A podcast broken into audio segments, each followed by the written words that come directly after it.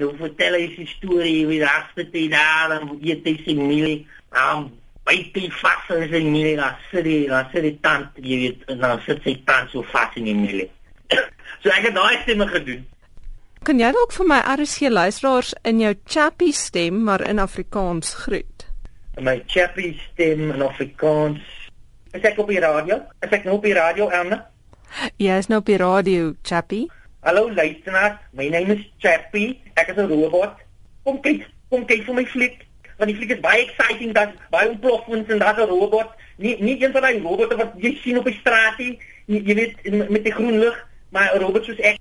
Vertel vir ons hoe jy te werk gegaan om in hierdie karakter in te kom. Want die ding was, ek het nou kans gekry om 'n kind te speel. Eintlik nie as 'n kind nie, hy as hy nou wakker word, soos ons sê as jy hom nou aansit, want hy's nou 'n masjien, maar hy's 'n conscious being. Hy's soos 'n baba en en jy begin soos 'n baba en dan sit jy die karakter op hierdie raw consciousness.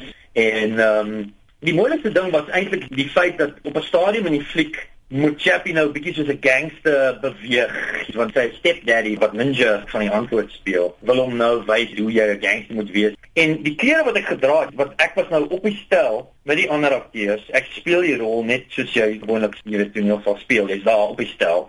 En dan animate die animators al my movements oor my. Maar ek moes nou 'n baie spesifieke kostuum dra. Dit was 'n tight amper soos 'n ballet leotard wat jy dra. Ons is eintlik bietjie snaaks gelyk maar dit voel heeltemal verkeerd vir gangsters. Want gangsters het hierdie jy weet hulle het altyd hierdie los klere wat hulle dra. So ek het hierdie klein short broek gekry en ek het nou my belt daar aangesit En dan as nou Chappie nou bietjie gangster moet word, hy moet so gangster stap en alles. Dan maak my belt los en ek laat sak ek my broek daar so soos daai gangsters doen af, jy weet. En dit het al die verskil gemaak wat ek nodig gehad het. Hierdie ouetjies wat so rondstap met hulle broek wat so afval. wat vir my nog interessant is, hoe reis hulle rond in Johannesburg en ek herken al hierdie bekende plekke. Hoe was dit vir jou om weer in een van jou ou tuisdorpe te vervilm? Baie baie lekker. Ek kry so min kans om huis toe te kom, so om huis toe te kom en weer 'n flietjie op te kan skiet, wat 'n wonderlike ding. Dit was nie so wonderlik dat ons hierdie keer moet ons nou leiwagte gehad het vir insurance van die fliek want Johannesburg is nou hulle sê nee, dit is te gevaarlik. Kaapstad was okay geweest, maar in Johannesburg het hulle vir ons gesê kyk al die essential cast and crew moet nou leiwagte hê. Dit maak my bietjie bietjie hartseer want ek is nog baie lief vir die land. Hoe lank het julle verfilm in Suid-Afrika? 3 en 'n half maande.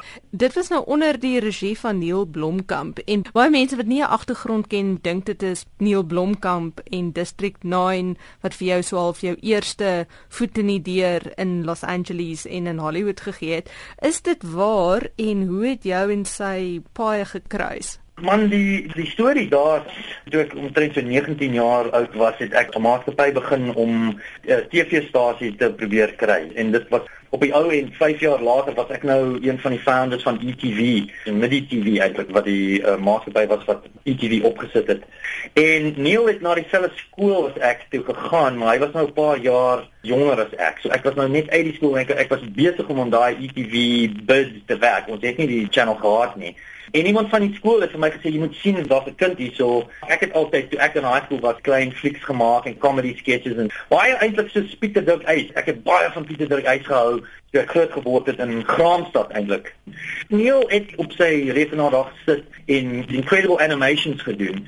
En ek het vir hom my goed gewys. Hy het vir my sy goed gewys en ons het maats geword. Toe trek sy familie Vancouver toe en ons het net just stayed in touch toe twee jaar later het hy 'n uh, kans gehad in Peter Jackson om District 9 te doen en ek was veronderstel om 'n producer van District 9 te wees en toe het Peter Jackson gevra nou wat is 'n Suid-Afrikaanse bureaucrat soos een van die ouetjies in die ou dae wat in die poskantoor sou gewerk het? Hoe het hulle gelyk? Toe sê Neil man sal dat jy doen aksente en stem maar gaan maar net ons skiet iets in Suid-Afrika improvise net in die townships daar so dan wys ons net vir Peter dat hy kan sien hierdie stereotype van die ou dae van die ou van die ou government.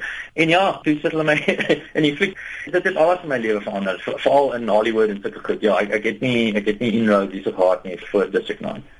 Hoe het jy hierdie Chappie rol anders benader as al jou vorige rolle? Dit was een van die redes hoekom ek die rol wou gedoen het. Ek het 'n paar villains gespeel. Ek het hierdie Kruger, hy was 'n 3-2 bataljon tipe ouetjie en dan was ek hierdie koning in Maleficent en die villain weer in Old Boy en ek was net nou te donker vir my. Ek het net gedink dis wat ek nodig het vir my siel, wat ek bietjie lig kan wees vir 'n paar maande en 'n kind speel. You know, I approached the role soos 'n kind. En jy het baie verskillende aksente ook gebruik in die rolprent. Hoe het jy besluit watter aksent om vir Chappie te gee? Hulle was nou besig met casting met Men in Black 3 en ek het 'n bietjie met hulle gaan praat en ek het 'n idee gehad vir hierdie snaakse alien karakter in die fliek en ek sou 'n sort of Mitchell's playing Kate Flat aksent gebruik en toe doen ek 'n toets in daai aksent en ek het net gedink dit is baie snaaks en oulik en iets anders die Hollywood ouens het nie van dit gehou nie. Toe wys ek dit vir Neil. 'n paar weke later toe bel hy vir my toe sê hy kyk ek wil hierdie fliek maak met die robot en ek dink jy moet daai aksent gebruik want hy het nou Ninja as een van sy paas nie nie iets wat jy weer gou in jou lewe sal sien nie jy weet 'n streetwise Cape Flats robot in 'n Hollywood film En jy praat nou ook van 'n Hollywood film Blomkamp het ook nou al 'n hele paar ander rolprente gemaak sedert District 9. Hoekom hou hy aan terugkom na Suid-Afrika toe om hier sy rolprente te vervilm? Daar's net so baie goed wat anders is vir die hele politieke environment is iets waaroor hy baie geïnteresseerd is. That's what you saw in District 9, you weet die clashing of cultures and races and things like that. Met hierdie een het jy hierdie social commentary in die fliek wat baie interessant vir my is wat jy kan dink nou as die dag kom waar mense 'n artificial intelligence robot gaan maak, gaan daar nog gangsters wees gaan daar nog mense wat in slums bly en nie skoon water het nie. Weet sulke goed. En jy het mense wat dink die coolest ding wat ek kan doen in my lewe is ek gaan 'n robot maak wat sentient is. En dan jy het mense wat nog dink the coolest thing I can do is commit an armored car heist and get bling for myself. En ek kan 'n bietjie geld vir myself maak en ek kan cool wees. En dit is net 'n interessante plek om daai idees in te sit in Johannesburg. Want jy het hierdie eerste wêreld en derde wêreld elemente in ons land.